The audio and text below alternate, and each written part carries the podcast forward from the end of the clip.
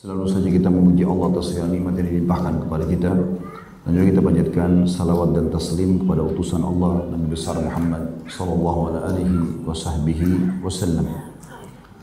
Melanjutkan pada buku kita begini seharusnya mendidik anak dan kita masuk ke bab kelima di halaman 199 tentang cara aman dalam mendidik anak laki-laki dan perempuan. Pasal pertamanya adalah anak perempuan dalam pandangan Islam. Jadi ternyata di buku ini dipisahkan. Ada cara mendidik anak perempuan, ada cara mendidik anak laki-laki. Jadi pasal pertamanya berhubungan dengan masalah anak perempuan dulu. Anak perempuan dalam dan pendidikan agak dalam uh, maaf judulnya subjudulnya adalah anak perempuan dan pendidikan dalam Islam. Kata penulis inilah ajaran Islam menjadikan wanita dan laki-laki sama menurut syarat baik dalam akhlak, amal, pahala maupun siksa. Perannya bagi laki-laki nampak dalam segala perkara. Wanita adalah penopang terpenting dalam menyongsong kebangkitan Islam Bila kita hendak menyongsong kebangkitan umat ini serta menjaga agama kita, maka kita harus menambahkan sikap peduli kita terhadap wanita dalam setiap tahapannya.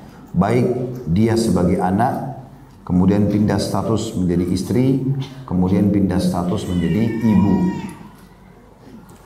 Namun karena anak perempuan memiliki hal yang amat penting, hal yang bisa membahayakan dan bisa membuat fitnah atau godaan, maka Islam memperhatikan beberapa sisi khususnya.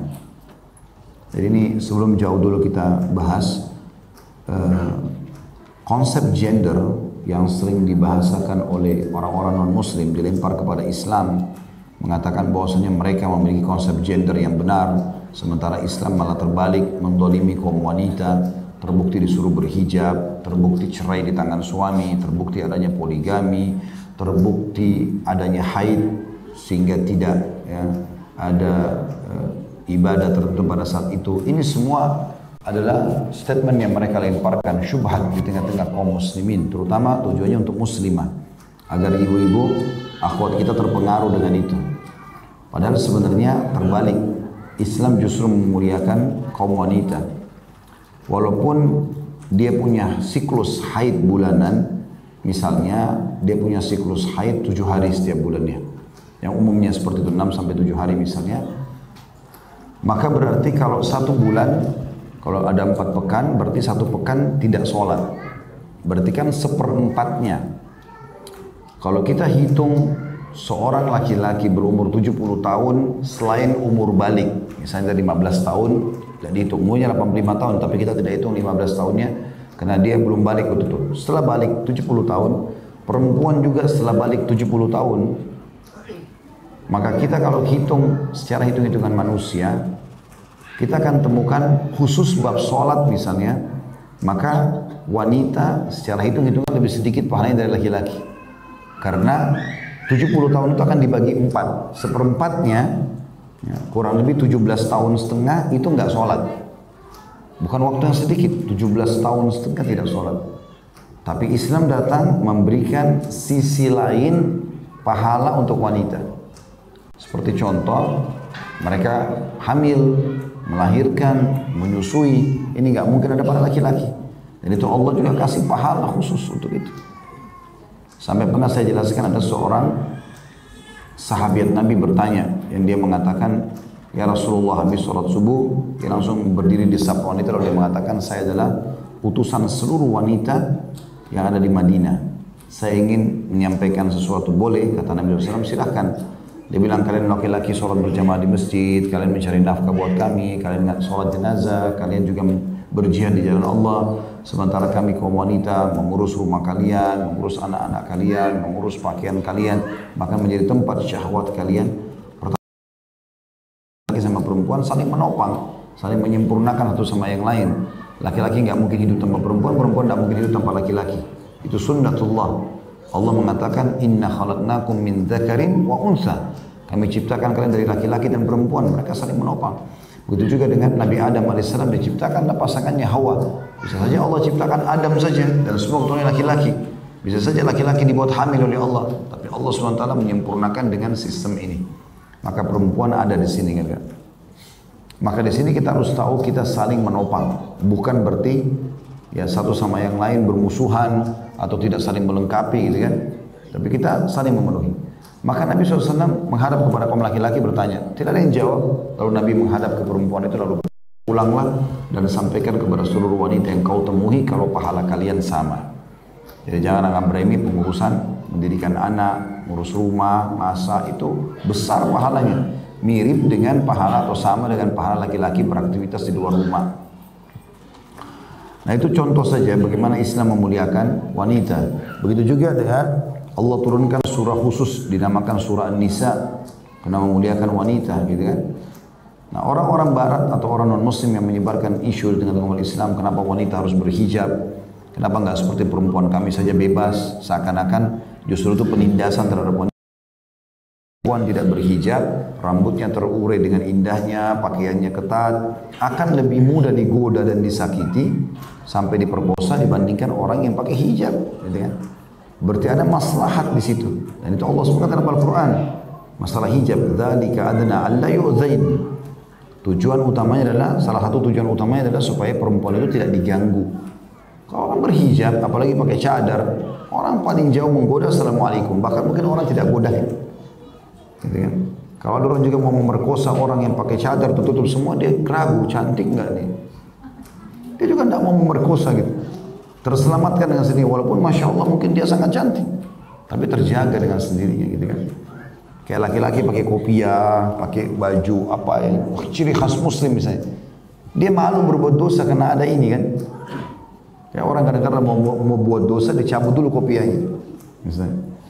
Begitu juga dengan wanita, dengan berhijab. Dia malu semestinya melakukan itu. Bahkan orang soroti, kok ada berhijab begitu ya? Kok ada begini dan begitu? Orang heran. Bahkan kadang-kadang orang cuma pulang haji saja, dianggap dia sudah orang saleh. Oh, kok Pak Haji buat itu? Padahal haji dia cuma pergi ibadah enam hari sebenarnya. Di sana juga belum tentu belajar agama. Tapi seperti itulah orang yang dekat atau sedikit saja mendekat diri kepada agama sudah ada penilaian positif gitu kan. Dan sudah pernah saya sampaikan kisah bagaimana seorang anak muda di Inggris mau masuk Islam tapi dia punya syubhat pertanyaan. Kebetulan dia dari Katolik dan dia dibawa oleh temannya ke satu masjid di Inggris. Kemudian ini orang Muslim Inggris ini bilang, Syekh ini teman saya mau masuk Islam tapi dia punya dua pertanyaan. Dia punya pertanyaan dia mau tanya. Kata Syekhnya silakan. Bertanyalah dia, kenapa kalian muslimin melarang para wanita kalian salaman dengan laki-laki? Tidak boleh kecuali mahramnya dan dia dengar dari temannya yang sudah muslim. Ya. Yang kedua, kenapa kalian suruh berhijab? Kenapa nggak seperti perempuan kami bebas mau pakai baju nggak pakai baju terserah?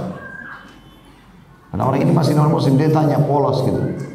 Maka kata syekhnya sudah bertanya dia bilang sudah. Maka kata syekhnya kalau salaman saya ingin tanya kau warga negara apa? Dia bilang Inggris. Siapa yang memimpin negaramu? Dia bilang Ratu Elizabeth. Baik, saya mau tanya kata syekhnya, kau bisa salaman sama Elizabeth? Dia bilang nggak bisa. Kenapa? Kan dia ratu, saya masyarakat biasa. Kata syekhnya, semua wanita muslimah seperti Elizabeth, ratu. Nggak boleh sembarangan orang salaman. Kecuali mahramnya, ibu, ayahnya, saudaranya, anaknya, suaminya, lain. Tapi semua laki-laki, itu hikmah dilarang. Makanya Nabi SAW mengatakan, Ana la usafihun nisa. Saya tidak akan menyalami kaum wanita kecuali memang yang halal buat beliau. Kemudian masalah hijab, beliau mengeluarkan dua permen dari kantongnya, satu dibuka bungkus, satu dibiarkan terbungkus. Satu dibuka bungkusnya, satu dibiarkan terbungkus. Lalu beliau bilang kepada orang Nasrani itu, kalau saya suruh pilih kamu permen ini, mana kau pilih? Kata dia masih terbungkus. Kata Syekh, kenapa kok gak ambil yang sudah terbuka? Gampang tinggal masukin di mulut. Dia bilang tidak, sudah kotor. Tasyanya itulah perbedaan perempuan perempuan kami. Inilah perumpamaan perempuan kami dengan perempuan kalian. Perempuan kami seperti permen yang tertutup, tidak boleh dibuka kecuali oleh suaminya, pemiliknya saja. Dan perempuan kalian seperti permen sudah dibuka. Maka hikmah syari ada. Ya, kita tidak boleh terpengaruh dengan konsep itu. Karena mereka selalu menyebarkan itu. Kenapa cerai di tangan laki-laki? Belum. Kan Allah cuma ciptakan laki-laki dan perempuan. Tidak ada jenis kelamin yang ketiga. Dan harus salah satu jadi pemimpin. Allah menunjuk laki-laki jadi pemimpin perempuan partnernya bukan bawahannya partner karena pasangan hidup kan partner sama-sama walaupun keputusan di tangan pemimpin Maka diaturlah peraturan-peraturan istri kalau mau keluar izin, hormat sama suaminya. Suami juga disuruh menaungi, mendidik, memberikan nafkah. Kan begitu. Jadi saling memenuhi. Seperti itulah. Jadi memang tolak itu Allah lebih tahu kenapa ditaruh tangan laki-laki. Selain diangkat jadi pemimpin, memang Allah memberikan dominan adalah akal. Perempuan dominan perasaan. Kalau ibu diizinkan mencerai suaminya, satu hari ibu ceraikan berapa kali suami? Hmm? Telat sedikit datang saya ceraikan kamu. Lupa kasih nafkah saya ceraikan kamu. Laki-laki nggak akan ucapin itu. Susah laki-laki mengucapin kalimat cerai. Umumnya kalau perempuan godain terus mungkin baru dia ucapin atau dia fasik sekali. Kalau dia orang beriman, dia akan jaga kalimat itu karena dia tahu. Kata Nabi SAW, Abghadul halal Allah at-talak. Perbuatan halal yang paling Allah benci adalah perceraian. Orang beriman tidak akan ucapkan kecuali darurat sekali. Biar istrinya mau marah-marah, mau segala macam, dia tidak akan ucapkan. Pasti dia kasih kontrol. Kecuali darurat betul istrinya sudah merongrong, sudah mengganggu benar-benar baru dia ucapin. Gitu kan? Allah buat seperti itu. Umumnya kalau pertama permasalahan, permasalahan keluar dari rumah tangga segala macam, pasti suami tidak akan pernah ucapin itu. Tidak akan pernah terjadi kecuali orang keluar dari jalur normalnya, suami pertama langsung membahasakan cerai sama istrinya. Yang ada istri selalu memicu itu. Ceraikan saya tidak cocok, pulangkan saya. Terus begitu, sudah berjalan berapa kali, maka dia ucapin. Makanya Allah memberikan kalimat tolak di tangan mereka karena mereka dominan akal. Akal itu berpikir sekian lama ya atau sekian masalah ya lang, sekian langkah ke depan maksud saya sekian langkah ke depan yang mungkin tidak dipikirkan oleh wanita yang memang menggunakan perasaannya. Sudah pernah kita jelaskan masalah dominan karakter laki-laki dan dominan karakter perempuan gitu ya. Jadi perempuan perasaan, laki-laki akal pikiran. Maka ini juga tentu Masalah urusan poligami itu hak Allah subhanahu wa ta'ala sebagai pencipta.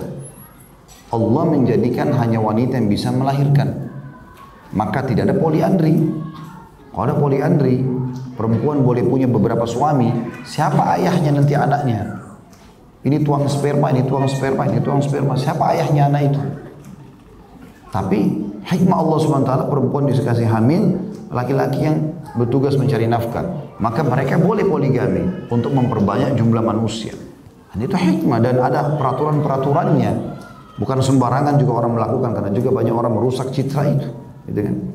Orang harus menjalankan sesuai dengan tuntunan Allah baru dikatakan itu syariat Allah Subhanahu wa taala. Jangan dikasih jadi tolok ukur laki-laki yang gagal main nikah sembunyi-sembunyi, akhirnya ribut rumah tangganya, akhirnya kacau semuanya, eh, condong dengan salah satunya, ini semua nggak boleh. Ada peraturan, ada hak mabit, ada hak nafkah, ada keridoan di antara mereka, ada kerjasama tim yang baik di antara para istri dan seterusnya itu ada hukum syariah sendiri. Jadi kan bab ini ada hukum sendiri. Jadi ada hikmah-hikmah yang Allah SWT perintahkan. Itu pun tidak semua orang melakukannya. Walaupun hukum itu diterapkan, nggak semua orang melakukannya. Di kalangan sahabat ada yang tidak poligami, di kalangan sahabat tabi tabiin ada yang tidak poligami. Sampai sekarang mayoritas laki-laki banyak tidak poligami. Tapi hukum Allah ada. Dan ada peraturannya. Tidak boleh orang merusak citra itu. Jadi banyak syubhat yang mereka lemparkan dan mereka lupa. Makanya para ulama membantah Bani Israel ya, atau orang Yahudi Nasrani kebanyakan menyoroti Islam dari sisi poligaminya. Tapi mereka lupa dan mereka tidak mau mengangkat masalah itu kalau nabi-nabi mereka, nabi-nabi Bani Israel semuanya poligami. Nabi Sulaiman AS punya berapa banyak istri? Dalam hadis Bukhari 99. Gitu kan? Dan itu berpoligami gitu. Tapi mereka tidak angkat, tapi mereka soroti Nabi Muhammad SAW yang berpoligami dengan sembilan orang istri. Gitu. Karena itu perintah syariat Allah Subhanahu Wa Taala dengan hikmah Allah yang Allah lebih tahu masalah itu tentunya. Dan sekian banyaklah contoh-contoh berhubungan dengan masalah ini. Jadi di sini beliau mengangkat dalil pertama tentang masalah pendidikan khusus untuk para kaum wanita dimulai dari dia masih anak kemudian pindah status sebagai istri kalau sudah nikah, kemudian pindah status sebagai ibu pada saat sudah melahirkan. Dalilnya adalah yang pertama surah An-Nisa ayat 1. A'udzu billahi minasyaitonir rajim. Rabbakum alladhi khalaqakum min nafsin wahidatin wa khalaqa minha zawjaha wa khalaqa minha zawjaha wa batha minhuma rijalan katsiran wa nisaa'a. Tentu lanjutan ayatnya wattaqullaha alladzi tasaaluna bihi wal arham innallaha kana 'alaikum raqiba. Artinya, hai manusia, bertakwalah kepada Allah, kepada Tuhan kalian, Allah yang telah menciptakan kalian dari diri yang satu, Adam alaihissalam. Dan Allah menciptakan pasangannya Hawa alaihissalam. Dari dirinya, dari Adam. Dan dari keduanya Allah memperkembangbiakkan laki-laki dan perempuan yang banyak. Lanjutan ayat tadi yang saya bacakan, maka bertakwalah kepada Allah dan jagalah hubungan silaturahim, sesungguhnya Allah senantiasa mengawasi kalian. Juga dalam firman yang lain, di sini berarti Allah ciptakan laki-laki dan perempuan, gitu kan? Dan masing-masing tentu ada ya, peraturan-peraturan yang Allah berikan. Allah Subhanahu wa taala juga berfirman dalam surah Al-Imran ayat 195 Tentu yang saya maksudkan tadi ada kesamaan seperti akhlak, keyakinan akidah, ya, tetapi ada beberapa hukum-hukum syariat fikih yang berbeda antara laki-laki sama perempuan, masalah kasus melahirkan, haid, nifas, dan seterusnya ini ya. Allah Subhanahu wa taala juga berfirman dalam Al-Imran 195, A'udzu billahi minasyaitonir rajim. Fastajaba lahum rabbuhum anni la udi'u 'amala amilin minkum min dzakarin aw untha ba'dukum ba'dukum min ba'd. Al-ayat. Maka Tuhan mereka memperkenan memperkenankan doa permohonan mereka atau doa mereka dengan firman-Nya pada hari kiamat nanti. Sesungguhnya aku tidak menyia-nyiakan amal orang yang beramal di antara kalian, baik laki-laki maupun perempuan karena sebagian kalian adalah saudara dalam agama dari sebagian yang lain. Maksudnya ayat-ayat ini menjelaskan bagaimana Allah tidak membedakan dari sisi balasan antara laki-laki sama perempuan. Walaupun kadang-kadang ada perbedaan pekerjaan atau tugas ya. Sebagaimana sudah saya jelaskan tadi. Kayak laki-laki diperintahkan sholat di masjid, perempuan di rumah. Ya. Laki-laki disuruh sholat di jenazah dan antar jenazah perempuan hanya boleh sholati mengantarnya tidak dianjurkan. Sudah pernah kita jelaskan hukumnya itu. Laki-laki wajib cari nafkah perempuan tidak ada kewajiban cari nafkah. Dia boleh di rumah tinggal tinggal nikmati hasil kerja suaminya sama anak-anaknya. Itu boleh saja. Bahkan itu diwajibkan dalam agama bagi para suami atau kepada para suami gitu kan. Itu juga dengan jihad berperang menghadapi musuh dipukul berdarah segala macam. Itu bukan alam wanita maka itu alam laki-laki itu. Jadi bedain tetapi Allah subhanahu wa ta'ala memberikan balasan sesuai dengan kadar masing-masing. Sebagaimana tadi hadis yang sudah saya sebutkan, bagaimana wanita itu membedakan perbuatan perbuatan laki-laki tadi dengan dia mengurus rumah, mengurus anaknya, cuci baju, layani biologi suaminya, maka Nabi mengatakan pahala kalian sama. Juga dalam firman Allah SWT surah An-Nisa ayat 124 yang berbunyi, A'udzu billahi minasyaitonir rajim. Ini menandakan tidak ada perbedaan dari sisi balasan ya. Walaupun ada beberapa perbedaan dari sisi perbuatan. Wa may ya'mal minas salihati min dzakarin aw untha wa huwa mu'minun fa ulaika yadkhuluna al-jannata wa la nakira. Dan barang siapa yang mengerjakan amal saleh, baik laki-laki maupun perempuan, sedang dia orang beriman, maka mereka itu akan masuk dalam surga dan mereka tidak dizalimi sedikit pun. Jadi sini ada bahasa Allah Subhanahu wa taala Barang siapa yang mengerjakan amal soleh baik laki-laki maupun perempuan. Juga Allah Subhanahu wa taala menyebutkan di sini laki-laki dan perempuan dengan puji-pujian dan predikat-predikat yang sama. Seperti disebutkan di dalam surah Al-Ahzab ayat 35. A'udzu billahi minasyaitonir rajim. Innal muslimina wal muslimati wal mu'minina wal mu'minati wal qanitina wal qanitat والقانتين والقانتات والصادقين والصادقات والصابرين والصابرات والصابرين والصابرات والخاشئين والخاشعات والمتصدقين والمتصدقات والصائمين والصائمات والحافظين فروجهم والحافظين فروجهم والحافظات والذاكرين الله كثيرا والذاكرين الله كثيرا والذاكرات أعد الله لهم مغفرة وأجرا عظيما Sesungguhnya laki-laki dan perempuan muslim Laki-laki dan perempuan mukmin, Laki-laki dan perempuan yang tetap dalam ketaatannya Laki-laki dan perempuan yang benar atau jujur Laki-laki dan perempuan yang sabar Laki-laki dan perempuan yang khusyuk Laki-laki dan perempuan yang bersedekah Laki-laki dan perempuan yang berpuasa laki-laki dan perempuan yang memelihara kemaluan atau kehormatan, laki-laki dan perempuan yang banyak berzikir, atau mengingat dan menyebut Allah. Allah telah menyediakan untuk mereka ampunan dan pahala yang besar. Saksi bahasan kita Allah bilang laki-laki perempuan, laki-laki perempuan. Jadi sama gitu Allah berikan kedudukan yang sama walaupun ada perbedaan pekerjaan tadi saya bilang ya. Sebagaimana telah disebutkan dalam Al-Quran bahwa hak wanita terpelihara tidak dipatahkan, kita menemukan juga dalam As-Sunnah bahwa Rasulullah SAW memperhatikan wanita dengan perhatian yang sangat besar. Di antaranya adalah hadis Abdullah bin Amr bin As radhiyallahu anhu bahwa Rasulullah SAW bersabda, "Ad-dunya mata' wa khairu mata' mata' wa khairu mata'iha al-mar'atu salihah." Dunia ini semuanya kesenangan, dan sebaik-baik kesenangannya adalah wanita salihah. Ya. Dan ini hadis yang sangat mulia menandakan tentu nikmat terbesar di dunia kalau seseorang memiliki anak perempuan yang salihah, istri yang saleh dan ibu yang salihah. Berarti memang ini sebuah kenikmatan dunia yang tidak terhitung lagi.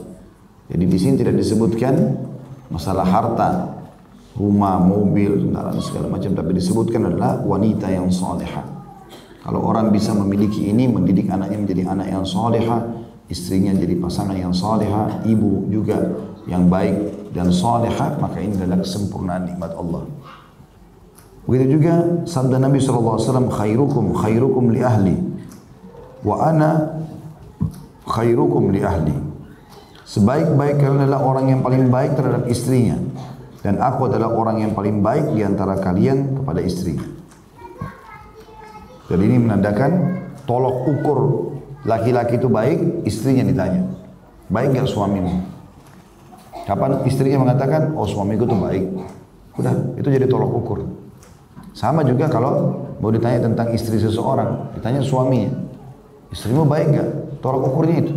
Karena di luar rumah banyak orang senyum, ramah, loyal sama orang, tapi dalam rumah luar biasa buruknya. Ya, Kapan dia baik di dalam, berarti di luar juga dia baik itu. Secara otomatis. Gak akan mungkin ditemukan ada orang baik sama keluarganya lalu buruk sama orang di luar itu gak mungkin. Susah mempertemukannya karena dia akan baik dengan orang yang tiap hari dia lihat kekurangannya. Ya. Maka orang di luar yang jalan dia interaksi, tentu dia akan lebih baik secara otomatis. Maka Nabi SAW menjadikan tolak ukur itu sebaik-baik kalian. Artinya orang yang paling layak jadi sahabat, ya, jadi pegawai, jadi atasan, ya, jadi sahabat, jadi teman, semua adalah yang paling baik terhadap istrinya. Dan aku adalah orang yang paling baik di antara kalian kepada istriku. Artinya kalau mau jadikan contoh tolak ukur, lihatlah aku. Makanya Aisyah radhiallahu pernah waktu ditanya bagaimana akhlak Nabi SAW. Maka karena susahnya Aisyah menggambarkan beliau cuma mengatakan karena khuluquhul Quran. Akhlaknya Nabi itu Al-Quran. Seperti Al-Quran berjalan di muka bumi. Susah digambarkan karena baiknya Nabi SAW. Apakah berarti baik itu tidak pernah marah? Enggak. Nabi SAW marah. Tapi Nabi hanya marah kalau terjadi pelanggaran agama. Nabi SAW cemburu kalau terjadi pelanggaran agama. Yang banyak merusak rumah tangga kita teman-teman karena cemburu buta. Semua dicemburui. Bahkan sampai tembok pun dicemburui. Kalau pasangannya berdiri situ, kenapa aku berdiri situ? Pasti ada kenangan tuh. Ini jadi masalah. Karena terbiasa cemburu buta. Selama pasangan kita tidak melakukan pelanggaran agama, jangan curiga. Tenangkan diri. Jangan masukkan pintu syaitan. Tidak usah korek-korek apa yang kita tidak kita ketahui. Tugas kita menjadi istri atau menjadi suami hanya sampai ajal datang. Saya bahasakan ke istri saya. Saya jalankan tugas saya ini sampai ajal datang. Saya meninggal, saya bebas tugas. Maka selama saya bertugas, saya jalankan yang terbaik. Itu juga kamu. Gitu kan? Harusnya kita saling menjaga. Melakukan yang terbaik. Gitu. Dan ngejar puncak kenikmatan teman-teman dalam rumah tangga itu kalau setiap suami istri, perhatikan kalimat ini. Puncak kebahagiaan rumah tangga kalau setiap suami istri saling mengejar surga dari pasangannya. Apalagi ini yang saya mau buat buat istri saya, buat suami saya, itu puncak kebahagiaan. Karena selalu kita berusaha berikan yang terbaik, bukan kita ego pikirkan diri kita. Banyak suami tidak pikir itu. Dia makan enak di luar, rumahnya tidak ada makanan. Atau istri makan enak di rumah, panas-panas sangat suami pulang nggak ada makanan. Gitu kan? Mana makanan sudah habis. Atau ada makanan sudah dingin. Ya. Maka ini tidak ada kebahagiaan. Kebahagiaan apa dalam rumah tangga itu? Nabi SAW suap-suapan sama Aisyah, gitu kan. Bahkan saking romantisnya, sampai Aisyah mengatakan pernah ada sisa makanan di bibirku, diambil oleh Nabi SAW dengan bibir beliau. Bukan lagi dengan tangan atau apa gitu. Ada orang subhanallah berumah tangga 10 tahun tidak pernah suap-suapan sama istri sama suami. Dikatakan bahwasanya Aisyah berkata, aku pernah mandi berdua bersama Nabi SAW dalam kondisi kami junub berdua.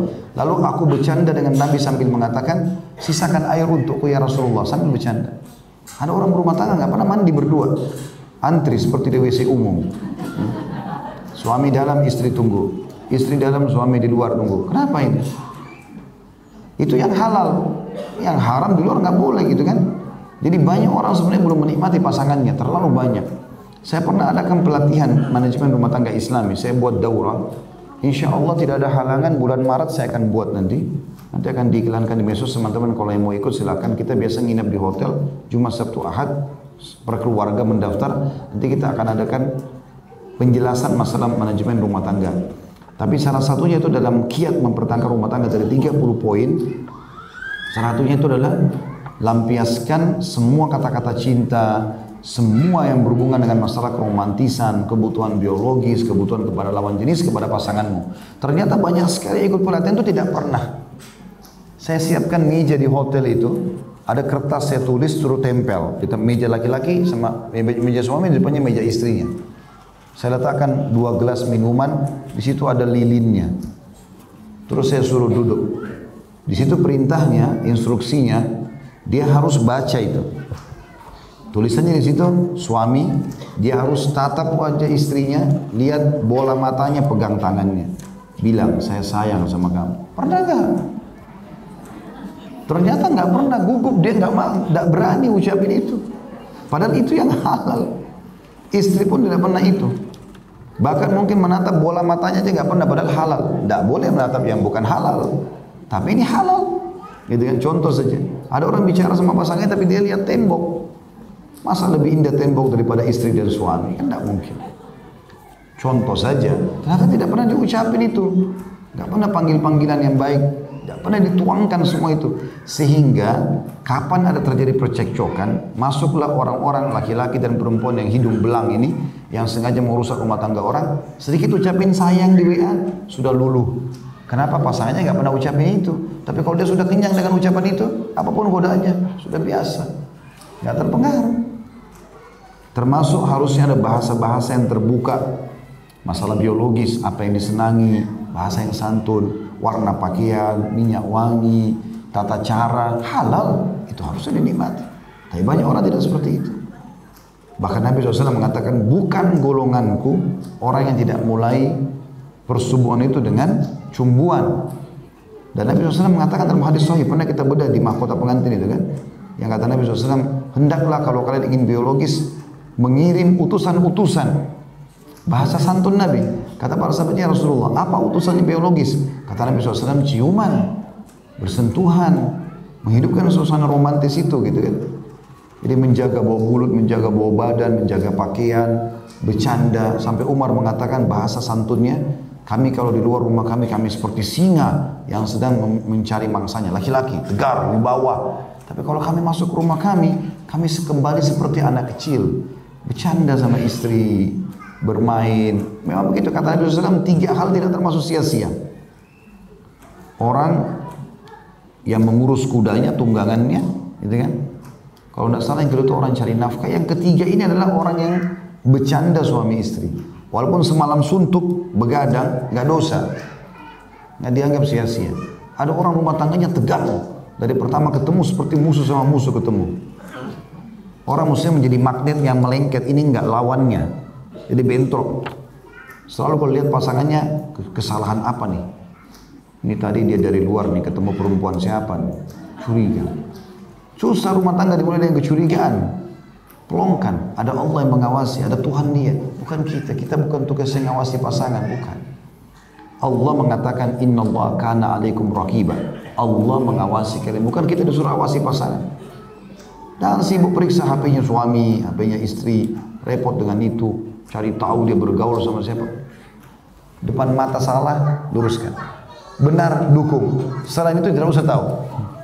Sampai ajal datang, bahagia itu. Dijamin juga tidak ada ubannya insya Allah. Bagaimana nggak keluar ubannya 30 tahun sudah uban semua? Karena semua jadi masalah buat dia. Semua jadi kecurigaan, gitu kan?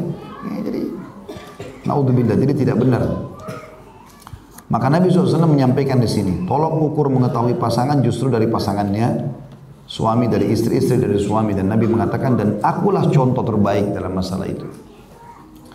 Juga Nabi SAW pernah berkhutbah di khutbah di dalam haji wada beliau, haji perpisahan ala wastausu bin nisa'i khaira fa innama hunna awanin indakum laysa tamlikuna minhunna syai'an ghaira dhalik illa an yatina bi fahishatin mubayyinah fa in fa'alna fahjuruhunna fil madaji'i wadribuhunna darban ghaira mubarrah atau ghaira mubarrih fa in ata'nakum fala tabghu alaihinna sabila ala inna lakum ala nisaikum haqqan wa li nisaikum alaikum haqqan fa amma haqqukum ala nisaikum fala yuti'na furushakum man takrahuna ala wa haqquhunna alaikum an tuhsinu ilaihinna fi kiswatihinna wa ta'amihinna ketahuilah kata Nabi SAW berbuat baiklah kalian kepada para wanita anak perempuan istri ibu ya, tante saudari berbuat baik sama mereka.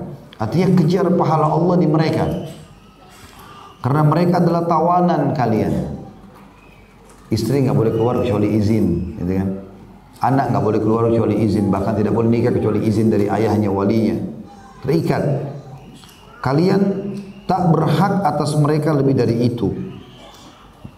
Kecuali jika mereka melakukan perbuatan keji yang nyata. Maksudnya jangan sampai kalian main hukum sana, hukum sini kecuali mereka buat perbuatan keji yang nyata berzina terang-terangan ketangkap perbuatan keji juga termasuk adalah tidak mau menutup aurat sudah diperintahkan tak mau jalankan perintah agama suruh sholat nggak mau itu perbuatan keji di situ boleh ya seorang suami dikatakan situ atau seorang ayah jika mereka melakukannya mereka tidak mau tutup aurat mereka tidak mau sholat tidak mau jalankan kewajibannya sebagai istri maka jauhilah mereka di tempat tidur hajar.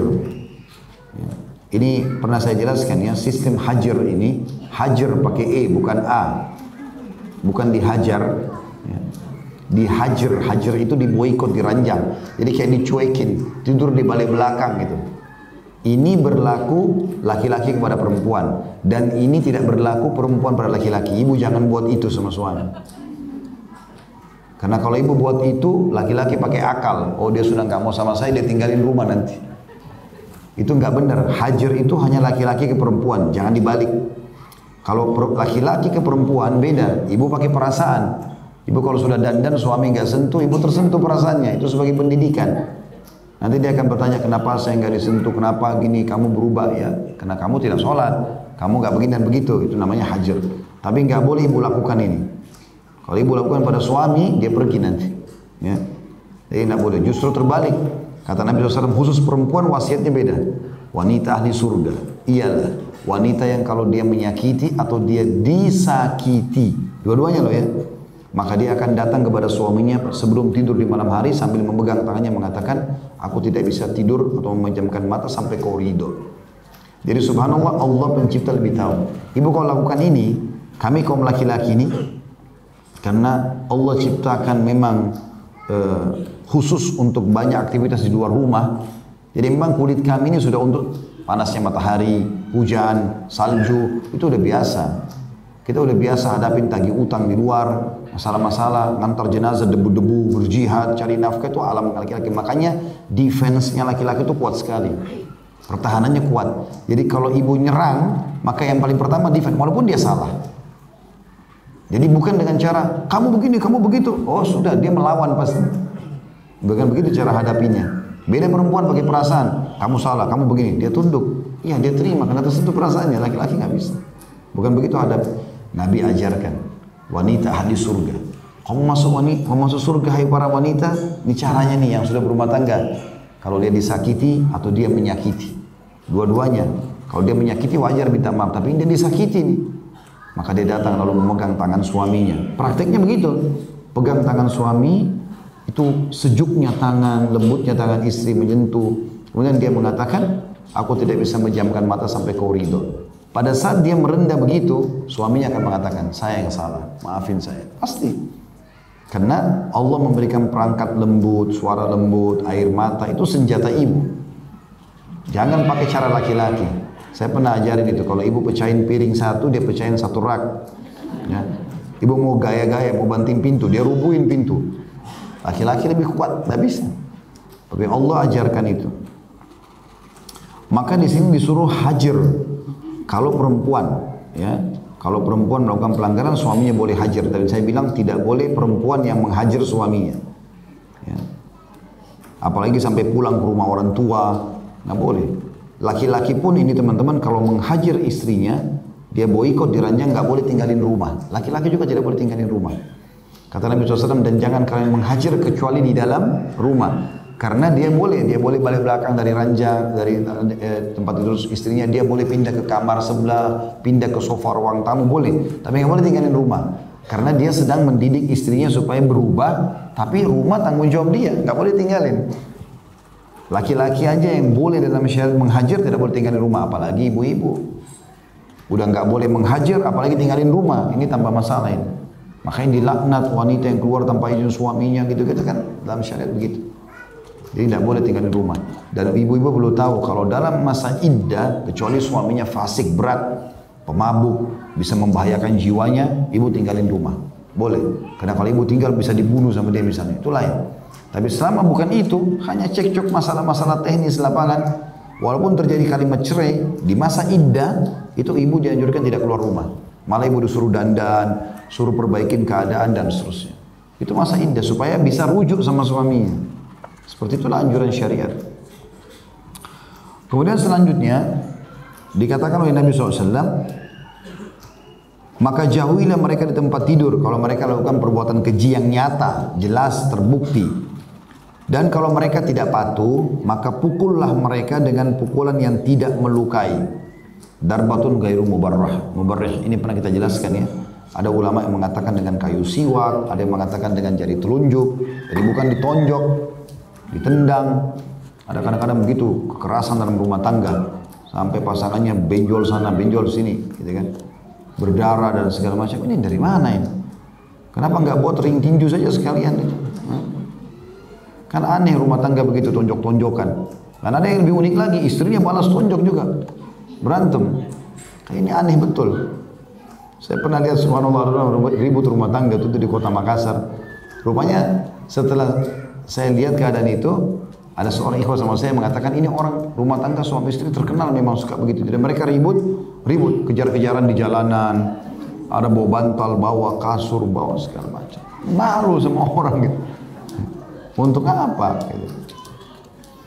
Kalau dalam keadaan emosi teman-teman redah emosi itu.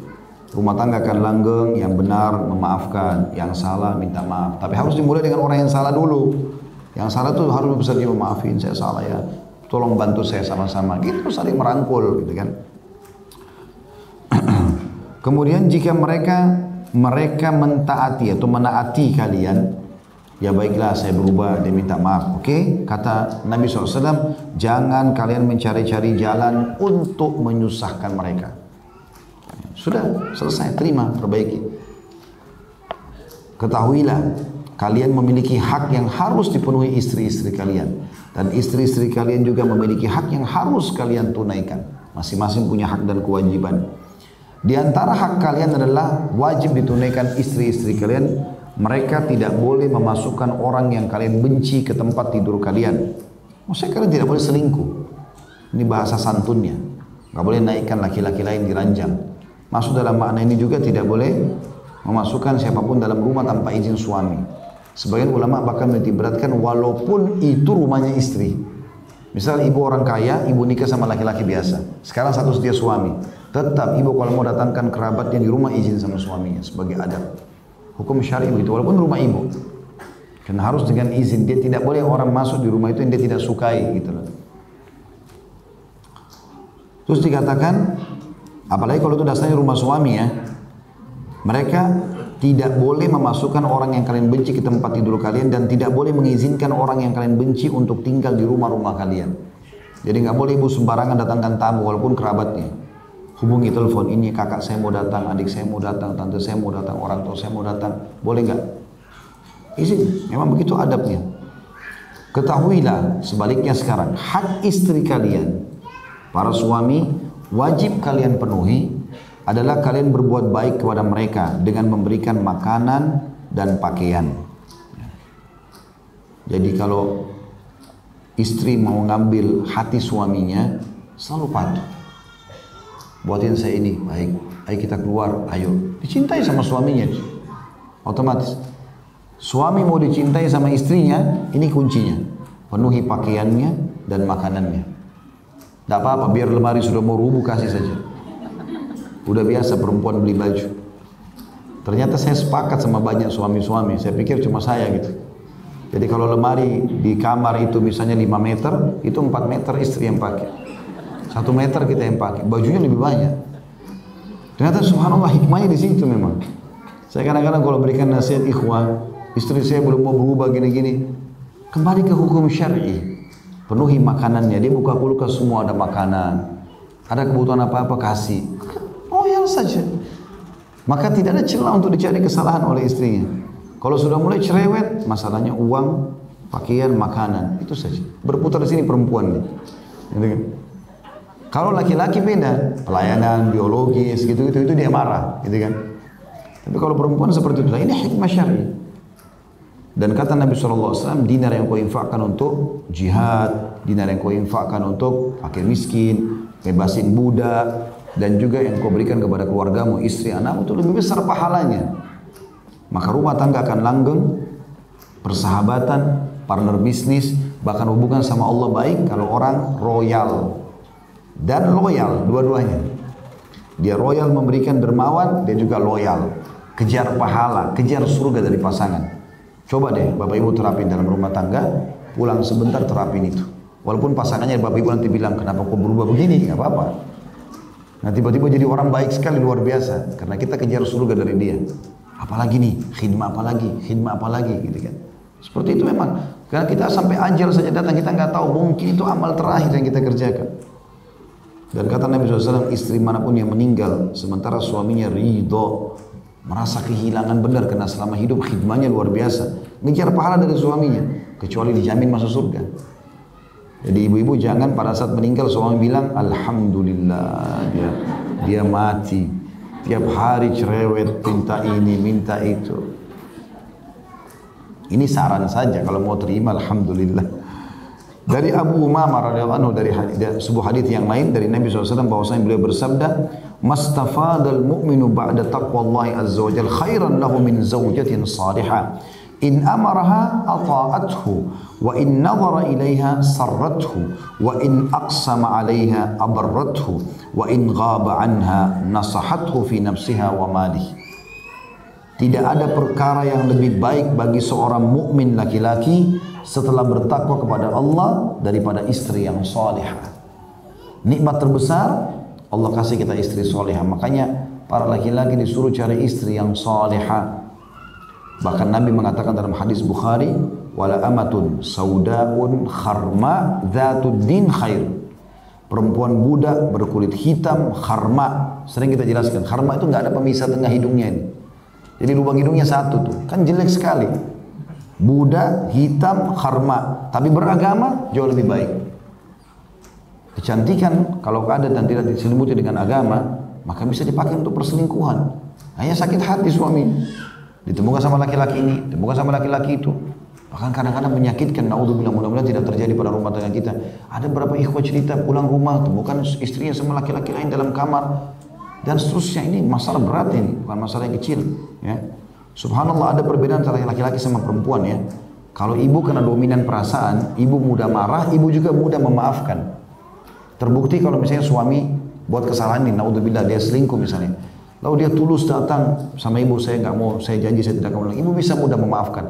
Itu tidak terjadi pada suami loh. Kapan terjadi perselingkuhan sekali saja itu memaafkannya berat sekali.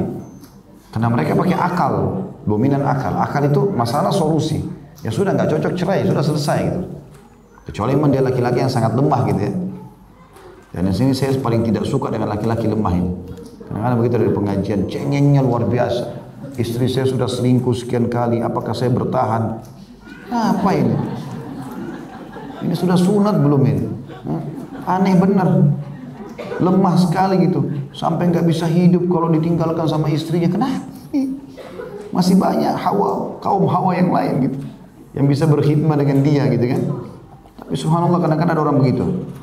Baiklah, kita kembali ke masalah ini. Dikatakan bahwasanya nikmat terbesar setelah takwa kepada Allah adalah wanita solehah. Baik, sekarang ibu-ibu kita berikan saran. Apa ciri wanita solehah? Perhatikan Nabi SAW jelaskan.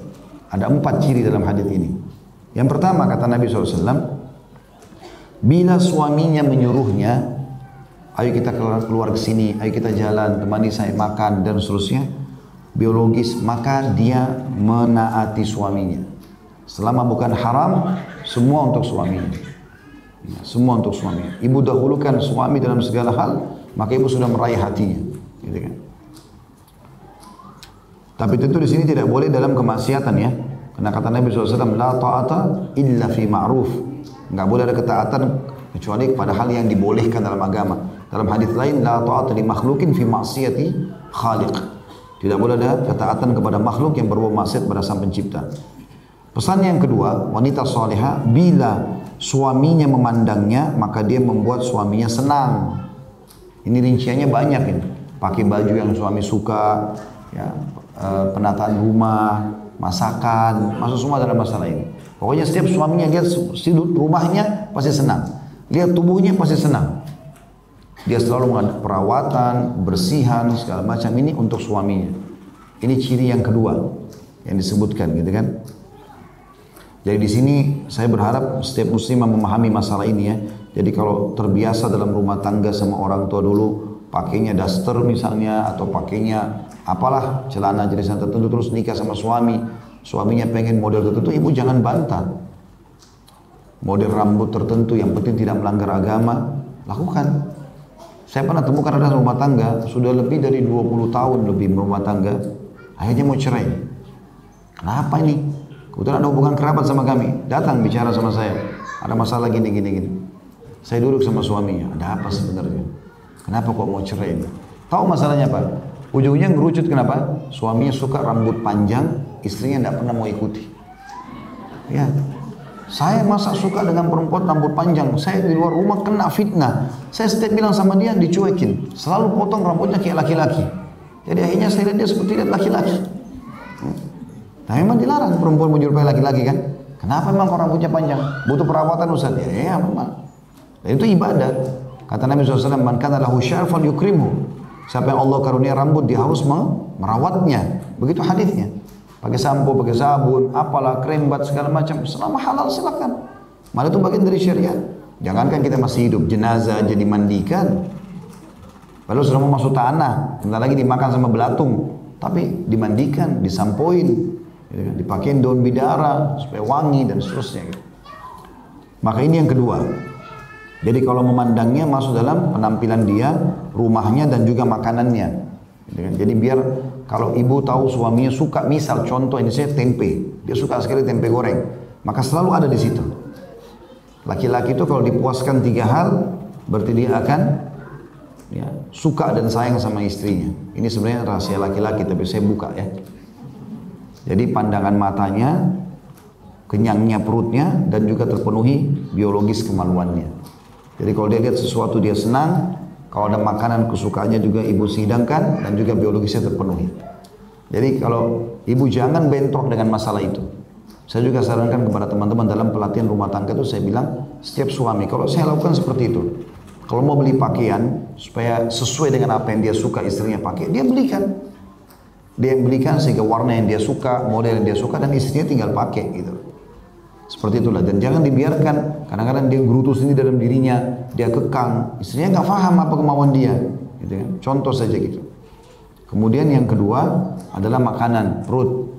Dia kerja untuk ibu hidangkan makan. Jangan sampai pernah suami pulang nggak ada makanan. Sering terjadi itu, ada suami istri cerai gara-gara itu. Setiap pulang nggak ada makanan. Alasannya tidak sempat masak. Alasannya begini dan begitu. Baik, tidak sempat masak, beli makanan jadi. Sudah dihidangkan, masak panasin pun nggak bisa. Ada juga alasan tidak masuk akal. 15 tahun, 20 tahun menikah, saya tidak bisa masak. Loh kenapa tidak bisa masak ini? Tinggal masukin air, garam, selesai. Apa masalahnya? Enggak susah itu. Campur bumbu ini, campur inovasi dan segala macam kan bisa saja. Ya, saya temukan subhanallah beberapa orang ikhwah yang istrinya belajar pintar masak, itu sampai kamu makan di luar. Dia bilang sama saya, Ustaz, saya sampai nggak mau makan di luar lagi. Karena saya pengen apa tinggal bilang, tolong ya masa ini nih, dia masain makan lebih enak dari luar. Hanya suaminya kamu makan di luar. Kan dia berhasil untuk itu. Di poin itu. Dan itu kalau diniatkan karena Allah ada pahalanya gitu kan. Itu contoh. Itu juga dengan kemaluan. Ibu harus tahu, kebutuhan biologis ibu sama kami kaum laki-laki beda. Antara langit sama bumi. Gitu. Laki-laki itu punya sperma, sperma itu panas.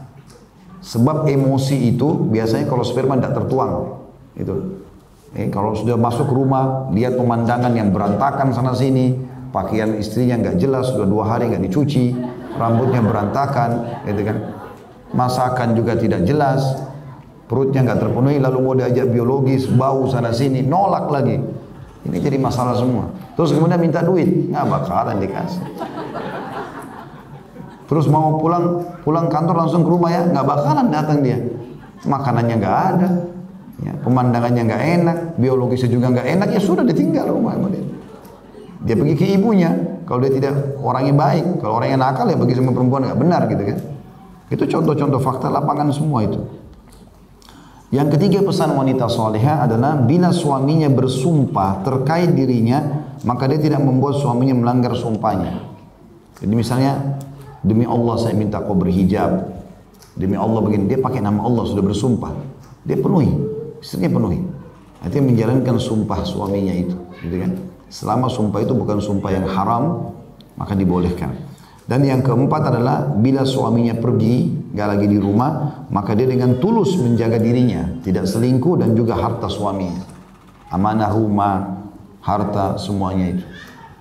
Ingat bu ya, semua ada tanggung jawabnya. Ibu kalau dikasih nafkah, ibu buatin laporan. Ini nafkahnya kemarin saya belikan ini, ini, ini, ini. Gitu kan? Ada lebih gimana nih? Halal, ya sudah halal. Ibu tabung, ibu belanja segala macam. Minta kehalalannya. Jangan terbalik ini. Ini akhirnya semuanya dicampur adukan, walaupun masih ada duit karena niatnya ingin nabung, akhirnya minta lagi sama suami. Seakan-akan suami itu ya pikir itu sudah habis. Kan ada tanda kutip di sini seperti manipulasi. Ya. Kayak sudah habis uang itu padahal sebenarnya masih ada di rekening. Hanya karena mau nabung gitu ya. Ini nggak benar dalam Islam bukan seperti itu. Dalam Islam itu kita disuruh bersedekah, memberikan. Bahkan pernah uh, Abdullah bin Mas'ud waktu menikah dengan seorang wanita, wanita ini kebetulan kaya raya. Kaya raya dia masuk orang miskin. Radhiyallahu anhu ini. Maka perempuan ini bilang, istrinya bilang, dia bilang sama suaminya, wahai Abdullah, saya mau sedekah. Ada uang nih, saya mau sedekah, mau cari pahala. Kira-kira siapa yang saya kasih? Kata Abdullah, yang paling layak kau kasih saya. Saya suamimu dan saya miskin. Memang dia miskin, dia nggak punya apa-apa gitu. Ya. Jadi hidup saja makan sama istrinya segala macam. Jadi karena untuk kebutuhan pribadi atau bantu keluarga sudah nggak ada. Kata istrinya, coba tanyakan dulu kepada Nabi SAW. Ditanyakan, ya Rasulullah, ya, dibawa istrinya sama-sama. Istri saya ini orang kaya dan dia mau sedekah. Lalu pada saat dia tanya saya siapa yang sedekah, saya bilang saya lebih pantas sebagai suami.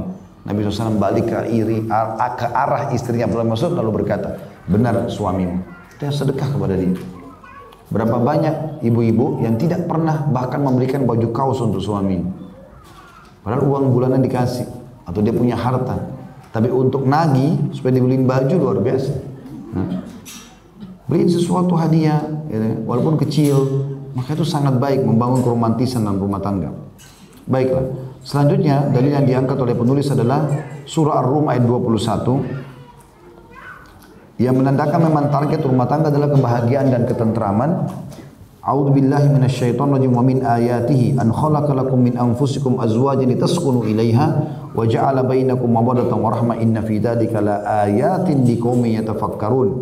Dan di antara tanda-tanda kebesarannya, n besar Allah, kata ganti Allah, adalah dia, yang besar kata ganti Allah, dia menciptakan pasangan-pasangan untuk kalian dari jenis kalian sendiri. Manusia cenderung dengan manusia. Jadi kalau ada manusia yang cenderung dengan hewan, dengan syaitan, jin, ada yang nikah sama jin kayak para dukun-dukun misalnya. Maka itu berarti keluar, keluar dari normalnya. Allah membuat kita cenderung dengan sesama kita manusia. Itu pun dengan lawan jenis laki-laki sama perempuan, perempuan sama laki-laki dan Allah mengharamkan lesbian dan juga homoseksual. Semua itu Allah jadikan agar kalian cenderung dalam kurung dan merasa tentram kepadanya. Tujuan pernikahan ini, ketentraman jiwa, kebahagiaan, gitu kan? Dan dia Allah menjadikan di antara kalian rasa kasih dan sayang.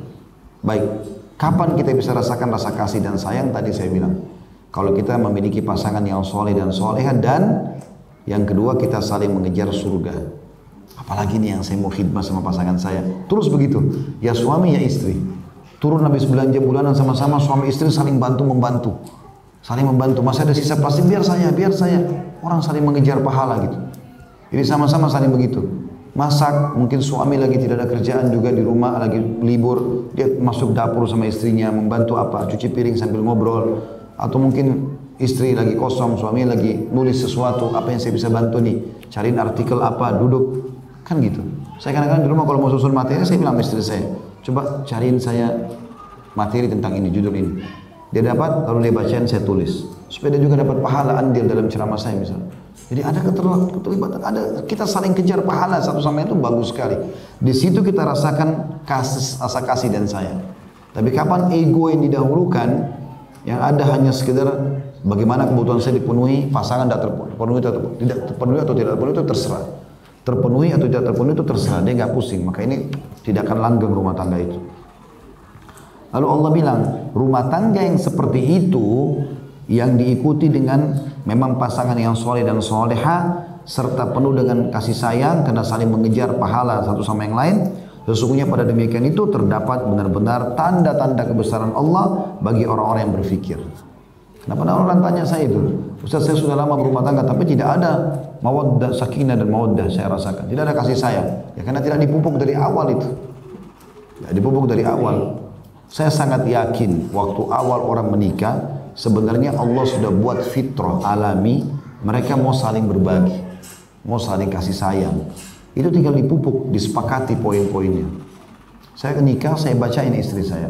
Ini hak dalam Islam ya hak kamu satu dua tiga empat lima ingatkan saya saya akan jalankan ini itu kewajiban saya ini hak saya ya satu dua tiga empat lima itu berarti kewajiban kamu kita saling mendukung jalankan ini jadi itu konsepnya. Selebih daripada ini, itu sudah sunnah, bukan kewajiban.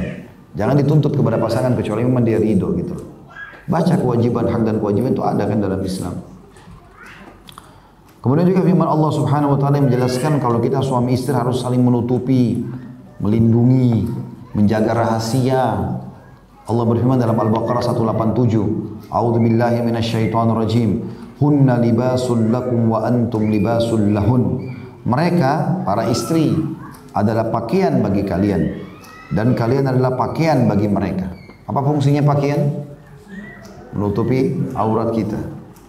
Menutupi aib badan. Melindungi dari panas dan dingin. Kan gitu. Membuat penilaian orang positif. Oh bajunya bagus. Oh bajunya bersih. Kan gitu. Dari mana? Dari pasangan. Makanya teman-teman jangan buru-buru. Ada masalah sedikit langsung ekspos ke sana sini keburukan pasangan. Nanti habis itu kita baikkan, malu, orang sudah tahu semua. Ada orang subhanallah jalan, semua masalah seperti maaf bahasa saya tanda kutip ya, seperti orang jalan telanjang karena semua masalahnya orang tahu. Semua orang dicurhat di sana sini. Hanya dia kalau jalan sama suaminya sudah baik atau sama istrinya dia malu sendiri. Eh, itu yang kemarin bertengkar, itu yang kemarin ribut. Untuk apa ini? Coba perbaiki keadaan. Yang benar, yang salah minta maaf, yang benar memaafkan. Saling merangkul karena pasangan kita bukan orang yang sempurna. Terus ingat itu, kejar pahala dari pasangan kita. Kejar pahala. Apalagi nih saya bisa ambil dari suami saya pahala. Apalagi yang saya bisa berikan istri saya ini pahala gitu. Ibnu Abbas berkata radhiyallahu anhu makna daripada Kalian, mereka pakaian kalian, kalian adalah pakaian mereka adalah mereka adalah tempat tinggal bagi kamu dan kamu pun tempat tinggal bagi mereka. Ini salah satu maknanya. Kalau tadi pakaian cuma lingkup di badan kita, Ibnu Abbas menafsirkan dengan lebih luas seperti rumah. Berarti untuk menaruh segala macam hal di rumah itu. Ya, makanan, minuman, rahasia-rahasia, segala macam, harta disimpan semua di pasangan. Itu makna tafsirnya. Lebih luas lagi. Kata beliau apalagi yang didapat bila istri sudah disifatkan Allah sebagai tempat tinggal dan pakaian di samping dihubungkan dengan cinta dan kasih sayang. Nah, ini yang banyak orang belum memaksimalkan fungsi pasangannya. Tentu akan didapatkan keamanan, ketentraman, kebahagiaan dan juga ketenangan. Jadi selain daripada ini berarti dari syaitan. Sering ribut, sering sangka buruk, dendam, marah-marah, apalah segala macam curiga, ini syaitan. Kalau ada dalam hati, auzubillahi minasyaitonirrajim. Jangan curiga. Enggak usah curiga. Kelihatan depan mata salah. Saya bilang sama pasangan saya, kalau ada berita sampai di telinga saya pun tentang kamu saya nggak akan percaya. Sampai saya dengar sendiri. Kalau kamu bilang iya, saya lakukan, baru saya percaya. Saya nggak akan tergoyah dengan orang ketiga mau cerita apa saya nggak pusing. Bayangkan kalau semua orang datang cerita kita percaya. Menjadi masalah ini. Kalau orang memang niat tidak baik sama kita, rusaklah rumah tangga itu. Gitu kan? Islam sangat memperhatikan, baik kalau ada yang bertanya, sekarang kita akan masuk ke tema kita ya. Apa hubungannya bahasan tadi suami istri semua ini dengan anak perempuan? Kita sedang bicara masalah pendidikan anak perempuan. Maka sangat luas hubungannya. Kalau ibu menjadi seorang istri yang baik dan bapak menjadi seorang suami yang baik, maka terbentuknya perjalanan hubungan yang baik ini itu akan berpengaruh sekali pada pendidikan anak nanti. Nanti anak yang lahir lihat, oh ibu sama ayah saya saling sayang. Dia juga saling sayang. Subhanallah, kalau Bapak Ibu sering lihat, ini maaf saya berbicara fakta lapangan saja. Kalau seandainya Bapak Ibu sering lihat anaknya suka mukul adiknya atau yang lain. Coba muhasabah, pernah nggak saling pukul-pukul di rumah depan mereka? Karena mereka itu mencontohi siapa yang di depan matanya kan. Bahkan kita gemes sama anak saja, jangan pernah gigit. Anak jadi tukang gigit nanti. Ya, itu itu dalam dalam ilmu kejiwaan seperti itu pendidikan dalam ilmu tarbiyahnya. Ya. Jadi kalau kita gemes jangan gigit gigit anak. Kita cium ya. Karena cium beda sama gigit. Kalau cium kasih sayang. Berarti dia faham oh kalau sayang orang dicium kan gitu. Kalau gigit beda. Kita gemes ya. Tetapi subhanallah dia tangkapnya oh kalau gemes sama orang gigit. Semua orang digigit sama dia. Tamu datang digigit, adiknya digigit segala macam. Siapa juga kalau gemes tampar walaupun bercanda gitu. Itu juga sama. Oh ternyata begitu kasih sayang. Nampar orang. Jadi kebiasaan mukul gitu. Saya kalau pernah ada anak saya mukul, lalu saya tanya istri saya, siapa yang pernah dilihat sama dia? Sampai saya wanti-wanti, tidak per, tidak akan pernah ada insya Allah rumah tangga saya itu tangan melayang kepada anak-anak, nggak boleh sama sekali. Kita bisa bisa nasihati. Ayah saya mendidik begitu, tidak ada pukulan dalam rumah. Nasihati, didoakan dan betul jadi baik kok. Tapi membiasakan mukul ini bahaya sekali. Memang betul Nabi SAW bilang, pukullah mereka di umur 10 tahun kalau tidak sholat. Tapi kan ada syaratnya, kalau tidak sholat. Perintahkan mereka sholat di 7 tahun, pukul mereka di umur 10 tahun kalau tidak sholat. Tapi kalau sudah sholat ya sudah. Gitu kan. Dikatakan di sini Islam sangat memperhatikan anak perempuan dengan perhatian yang besar. Islam memerdekakannya dari ikatan dan kezaliman jahiliyah di zaman jahiliyah anak perempuan adalah sebuah yang cacat. Karenanya mereka membunuhnya, menguburnya hidup-hidup dan wajah mereka menghitam merah atau maksudnya para ayah ya bila Allah karuniai rezeki berupa anak perempuan. Jadi di masa fase Mekah dulu itu kalau lahir anak perempuan mereka anggap aib. Mereka anggap perempuan tidak bisa buat apa-apa. Paling di rumah selesai, nggak bisa jadi uh, kesatria, nggak bisa jadi pedagang yang maju, nggak bisa jadi pemimpin, nggak bisa. Seperti itulah. Islam datang meluruskan masalah itu dan Allah menggambarkan tentang perilaku masyarakat Mekah. Dulu mereka kalau dapat anak perempuan wajahnya berubah jadi merah marah. Kenapa anak perempuan yang lahir? Dan sambil marah mereka ambil dibawa ke padang pasir dikubur hidup-hidup. Itu yang Allah gambarkan. Di dalam surah An-Nahl ayat 58 sampai 59, A'udzu billahi minasyaitonir rajim wa idza busyira ahaduhum bil untha dhalla wajhu muswaddan wa huwa kadhim. Yatawara min al qaumi min su'i ma bushira bih. Ayumsikuhu ala hunin aw yadussuhu fi turab ala sa'a ma yahkumun. Dan apabila seseorang dari mereka diberi kabar dengan kelahiran anak perempuan, wajahnya menjadi hitam dalam kurung merah padam. Dan dia menahan sedih dan marah. Dia menyembunyikan dirinya dari orang banyak disebabkan buruknya berita yang disampaikan kepadanya. Maksudnya tentang kelahiran anak perempuannya. Apakah dia akan memeliharanya dengan menanggung kehinaan atau akan menguburkannya ke dalam tanah hidup-hidup? Ketahuilah alangkah buruklah apa yang mereka tetapkan itu. Artinya kalau anak perempuannya dibiarkan hidup, dibiarkan hidup maka mereka hidup dalam kondisi merasa terhina. Firman Allah Subhanahu wa taala juga yang lain, Allah melarang kita membunuh anak-anak, menggugurkannya. Jangankan anak halal, anak zina saja nggak boleh digugurkan. Anak zina pun nggak boleh digugurkan. Ya.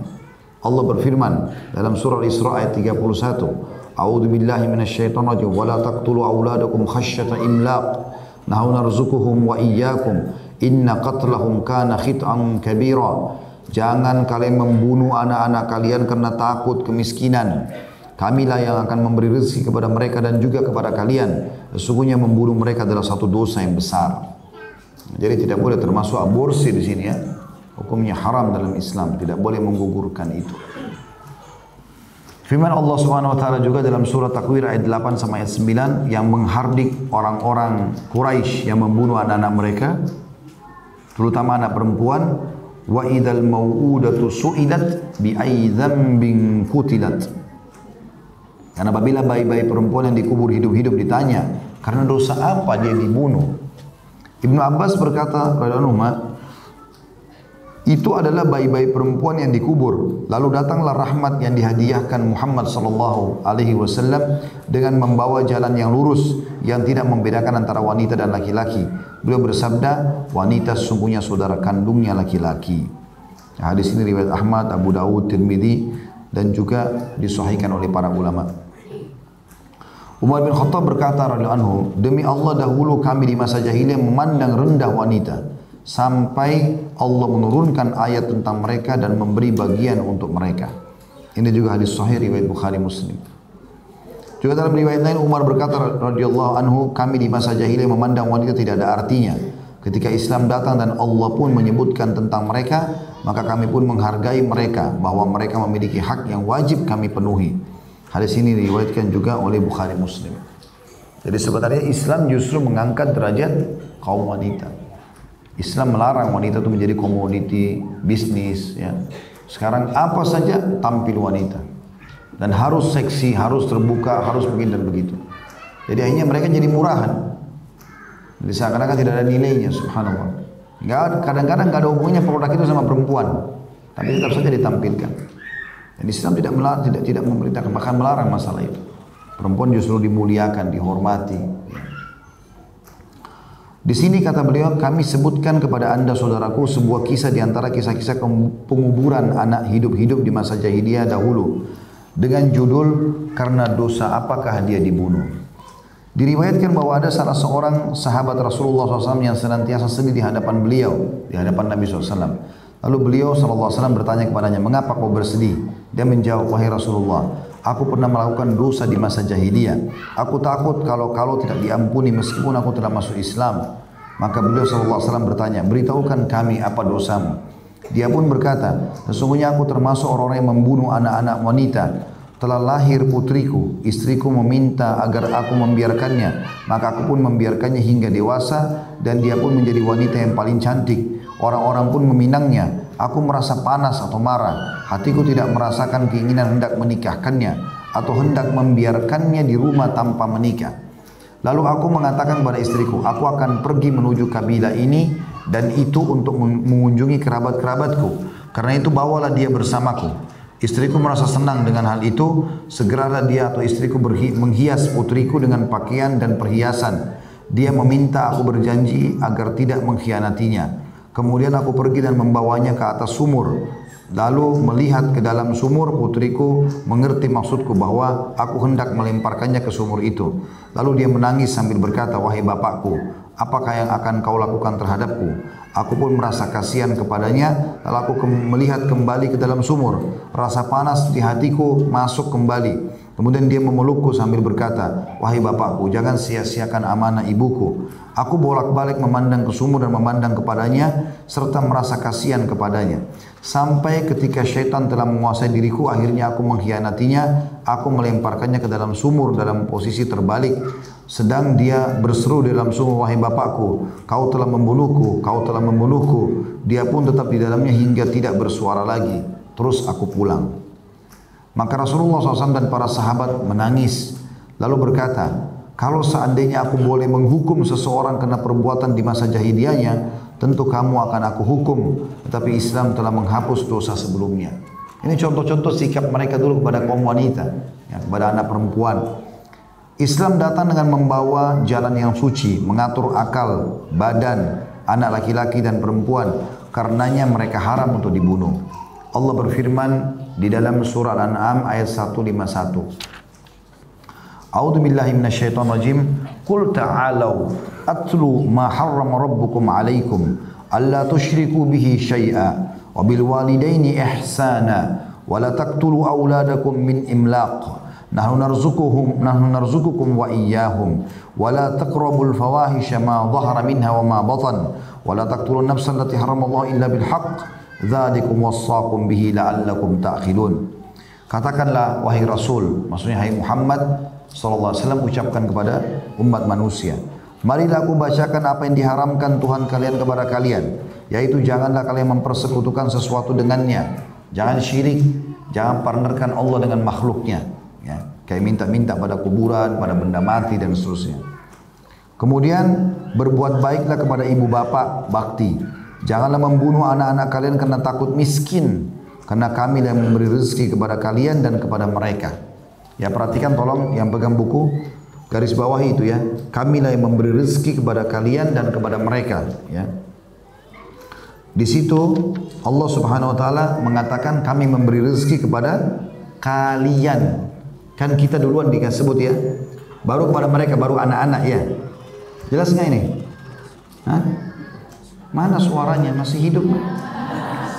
Masih baik. Coba itu di halaman 205 ya. Sekarang coba buka halaman 203. Tadi Isra ayat 31. Perhatikan di situ Allah bilang apa? Kamilah yang memberi rezeki kepada mereka baru kalian. Dan di sini dua kali Allah balik ini. Allah jelaskan. Kalau Isra ayat 31, perhatikan bahasa Arabnya di situ kalau lihat Al-Qur'annya nahnu narzukuhum wa iyyakum. Lihat enggak? Dalam Isra 31, kami hum itu mereka. Kami memberi rezeki mereka dan kalian, gitu kan? Kalau di surah yang setelah yang tadi kita lagi baca ini, ini dalam surah Al-An'am 151 Allah bilang nahnu narzukukum wa iyyahum. Kami beri rezeki kalian dan juga mereka. Artinya Allah SWT menutup semua celah kamu dan anakmu, anakmu dan kamu, walaupun dibalik semuanya kami yang beri rezeki. Apa maknanya ayat ini?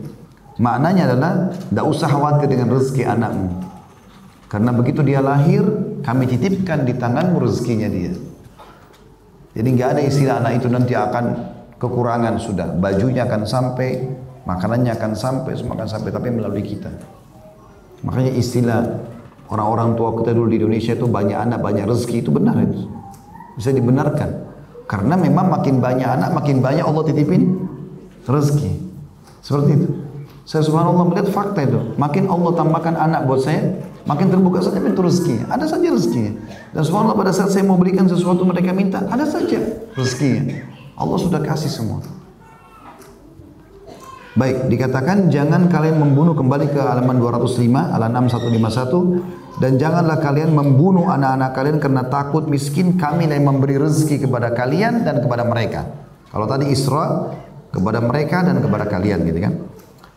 Lalu janganlah kalian mendekati perbuatan keji. Ya.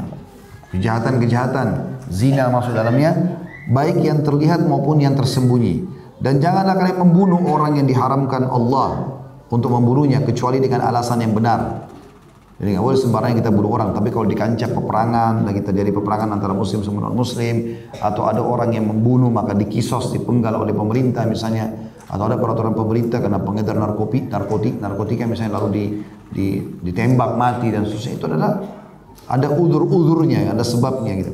Atau misalnya kita tiba-tiba diserang sama penjahat, ibu lagi jalan mau dirampok tasnya, lalu ibu melawan, mukul kepalanya misalnya lalu dia mati, itu tidak ada dosa. Demikianlah dia, dianya besar kata ganti Allah memerintahkan kepada kalian agar kalian mengerti.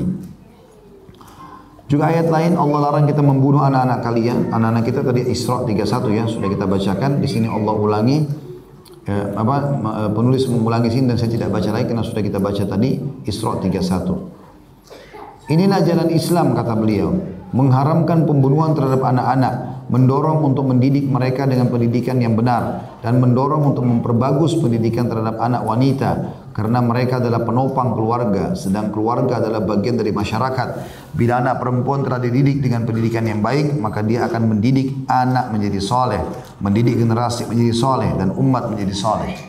Karena tidak akan lahir figur seorang ulama kecuali dari tangan seorang ibu yang baik. Tidak akan lahir seorang pemimpin negara yang bijak, jujur dan amanah kecuali di tangan seorang ibu yang baik. Dan tidak akan lahir seorang penjahat kecuali jika dari tangan ibu yang jahat. Karena dia yang lebih banyak waktu dengan anak-anaknya. Oleh karena itu, kita patut mendidik anak-anak perempuan kita dan ibu bagi anak-anak kita dengan pendidikan yang benar sesuai Islam. Sebagaimana dikatakan oleh penyair dari Arab, al-ummu madrasatun idza a'dattaha a'datta tayyibal a'raq. Artinya, seorang ibu adalah sebuah sekolah. Bila anda menyiapkannya, maka anda telah menyiapkan generasi yang baik. Beranjak daripada ibu itu. Ya, saya pernah berbagi cerita itu ya. Ada saya ingatkan kembali pernah ada satu orang syekh menceritakan di Jeddah dia buka rupanya halakat tahfidz Quran di masjidnya.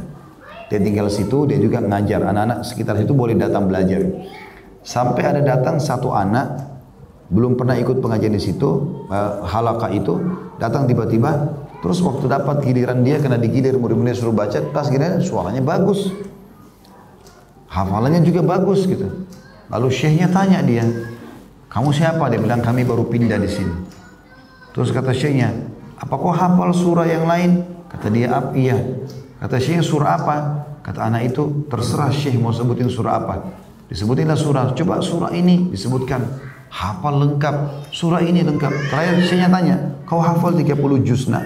Dia bilang iya. Anak ini mungkin masih baru kelas 1 SD, 6-7 tahun umurnya. Hafal 30 juz. Maka syekhnya penasaran, dia bilang, saya ingin ketemu sama ayahmu nak. Bisa dipanggil? Bisa. Maka ayahnya kerja sampai sore menjelang maghrib, terus anak itu datang maghrib ke masjid ketemu sama syekh. Dia bilang ini ayah saya. Kata syekhnya waktu saya lihat ayahnya, saya, saya tadinya membayangkan ayah ini seorang syekh juga, ulama besar yang akhirnya bisa membuat anaknya hafal 30 juz gitu. Tapi dari penampilannya orangnya biasa. Bukan penampilan sebagai seorang syekh atau seorang ulama gitu. Maka begitu ketemu, langsung ayahnya anak itu senyum kata syekhnya. Lalu dia mengatakan, Syekh saya tahu, Anda mungkin heran kenapa anak saya bisa hafal Quran seperti ini. Anda perlu tahu, di rumah ini masih ada adiknya dua. Semua sudah hafal 30 juz. Ada lagi lebih kecil daripada ini. Ya, umur lima tahun, umur empat tahun sudah hafal 30 juz. Itu karena campur tangan istri saya. Istri yang didik di rumah itu. Karena memang lebih banyak waktu dengan ibunya gitu. Jadi pepatah bahasa Arab ini benar. Seorang ibu itu adalah sekolah, sebuah sekolah. Bila anda menyiapkannya dari bayi, dari kecil, anak perempuan dididik dengan baik, maka anda telah menyiapkan generasi yang baik. Karena akan lahir di tangan-tangan dia nanti anak-anak generasi umat ini. Dikatakan bahkan ibu ibarat sebuah universitas yang memunculkan para pahlawan dan generasi yang hendak mengembalikan umat kepada kemuliaannya, kejayaannya dan kepemimpinannya dalam mengatur dunia di samping menjauhi syiar-syiar palsu yang memukau yang sebenarnya menghancurkan umat, mengajak wanita untuk bekerja dan mengikuti mode yang semuanya itu menyalahi syarat yang hanif. Syarat artinya syariat ya, hanif artinya lurus serta menjauhi berbagai sarana yang hendak merobohkan prinsip-prinsip luhur yang daripadanya wanita muslimah akan tumbuh. Insya Allah di kita akan bahas lagi Kamis depan di antara prinsip-prinsip Islam dalam mendidik anak perempuan ya. Jadi sebenarnya kita masih belum masuk ke lebih dalam tentang bagaimana cara mendidiknya dia. Tetapi kita masih bicara masalah globalnya di sini. Insya Allah mudah-mudahan bermanfaat apa yang kita bahas hari ini dan insya Allah jadikan sebagai tambahan amal kita pada hari kiamat. Kalau benar dari Allah, kalau salah dari saya mohon dimaafkan. Subhanakallahumma bihamdika, asyhadu an la ilaha illa anta astaghfiruka wa atubu ilaik. Wassalamualaikum warahmatullahi wabarakatuh.